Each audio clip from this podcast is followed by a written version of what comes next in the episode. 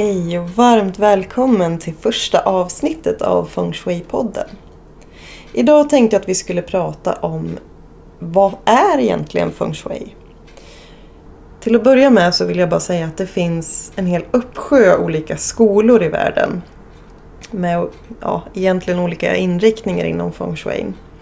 Så den här podden är alltså baserad på min tolkning av det jag har fått lära mig på Nordic School of Feng Shui och genom olika böcker som jag har läst.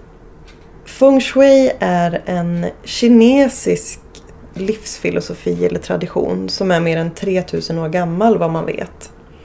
Och det handlar egentligen om att skapa en känsla av trygghet och balans eller harmoni. Och man använder naturen som en form av förebild eller inspirationskälla. Och jag tänker, jag tror att alla där ute, eller i alla fall jag, har upplevt att man kliver in i ett rum eller på en plats där man känner att det känns så fruktansvärt otrivsamt eller det känns kalt eller ja, alldeles för rörigt eller där man känner att fy, här trivs inte jag. Och på samma sätt så har jag också klivit in på platser där jag känner att wow, det här, här hade jag kunnat trivas. Och där känner man skillnaden på vad som är bra feng shui och vad som är dålig feng shui. För feng shui handlar ju om energier och det är någonting som finns omkring oss hela tiden. Man kan liksom inte säga att en plats inte har feng shui eller att en plats har feng shui för det finns överallt. Bara bättre eller mindre bra feng shui. Men att skapa de här harmoniska miljöerna eh, gör man med hjälp av olika verktyg. Och de här verktygen kan vara till exempel de fem elementen, yin och yang som handlar kanske om kontraster. Men det finns också mer avancerade verktyg som en bagua eller flying stars eller eight mansions. Vad det här är för någonting kommer jag att berätta mer om framöver men jag tänker att vi börjar i grunden. Och många kanske tror att feng shui är en inredningsstil, vilket inte alls stämmer.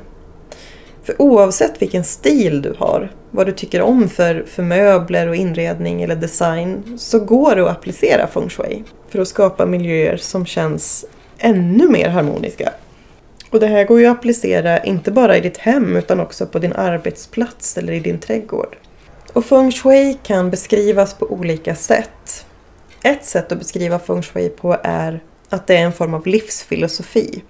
Det är ett sätt att leva i harmoni med omgivningen. Men man kan också beskriva det som en vetenskap. För det är faktiskt vetenskapligt bevisat att vår hjärna och våra kroppar påverkas av omgivningen. Det här kan man se genom att mäta EEG och kolla hur hjärnan påverkas av, eller hur hjärnan reagerar på omgivningen. Och just den här moderna forskningen som faktiskt det senaste skulle jag vilja säga har ploppat upp om just omgivningens påverkan på vårt mående finns väldigt bra sammanfattat i en bok som heter Designfulness skriven av Isabelle Sjövall.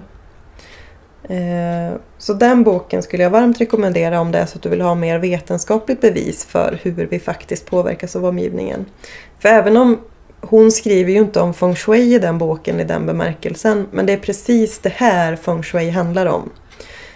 Och eh, feng shui är ju som sagt flera tusen år gammalt och jag tror att vi många har tappat den här kontakten och känslan som man kanske använde mer av förr. Det här med intuitionen och känna av hur vi faktiskt påverkas av omgivningen. Vad som gör att vi känner oss trygga och vad som gör att saker och ting känns hotfullt. Idag kör vi mest på och jag tror att det är så enormt viktigt att plocka upp den här känslan igen. För den finns ju där och undermedvetet så reagerar ju våran hjärna för hjärnan har inte utvecklats på evigheter. Men utöver en livsfilosofi och vetenskap så kan man också beskriva feng shui som en konstform.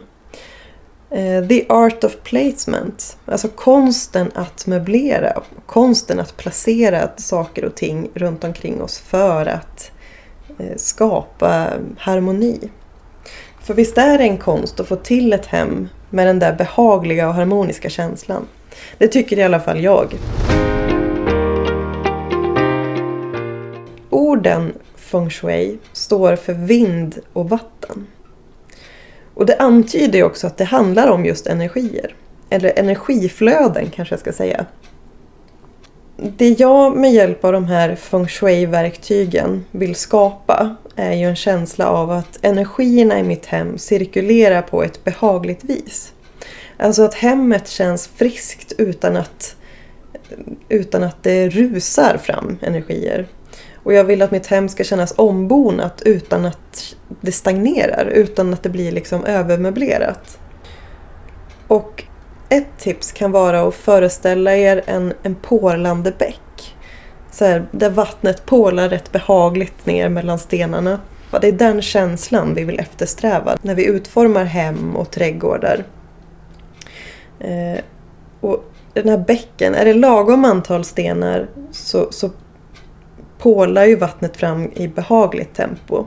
Om det är för mycket stenar då stannar ju vattnet av och blir unket och, och sunkigt liksom. Om det däremot är för lite stenar eller saknas stenar så forsar ju vattnet fram. Och det blir väldigt aktiv energi. Det känns nästan lite stressigt när den här forsen bara forsar på hela tiden. Och det här tänket kan man ju använda genom att föreställa sig möblerna som stenar och luften i hemmet som vattnet. Så när ni möblerar eftersträva den här porlande känslan. Där luften liksom får ringla sig fram utan att varken stanna av eller rusa för snabbt. Så sammanfattat då. Feng shui, vind och vatten handlar egentligen om energiflöden och att skapa behagliga energiflöden i hemmet eller trädgården eller vart vi nu vill applicera det. Och det här gör vi med hjälp av feng shuins olika verktyg. Och alla de här verktygen så kommer jag att gå igenom bit för bit. Men jag tänker att som sagt, som jag sa i början så börjar jag med grunden och så jobbar vi oss framåt därifrån och så får vi se hur långt vi kommer. Och som sagt, glöm inte att höra av dig till mig om det är någonting särskilt som du vill veta mer om eller om du har synpunkter eller feedback så finns jag här. Jag länkar som vanligt i avsnittbeskrivningen till min hemsida. Eh, du kan också mejla mig på kontakt hobbykreatoren.se. Om du gillar det du hör, glöm inte att prenumerera och dela podden till de du tror skulle dra nytta av det här och uppskatta den här podden. Jag gör det här för dig för jag tror så himla starkt på att feng shui kan hjälpa oss att må bättre. Och jag tror verkligen att det är någonting vi behöver. Kanske framförallt efter det här pandemiåret som har passerat. Där vi dels spenderar väldigt mycket tid hemma. Men också då dagens samhälle med sociala medier och att vi ständigt är tillgängliga. Det skapar någonstans ett behov av oss att backa tillbaks och hitta den här känslan igen. För det är där det börjar, att försöka känna efter. Tusen tack till dig som har lyssnat. Hoppas att du får en fantastisk dag. Ta hand om dig så hörs vi förhoppningsvis igen. Hejdå!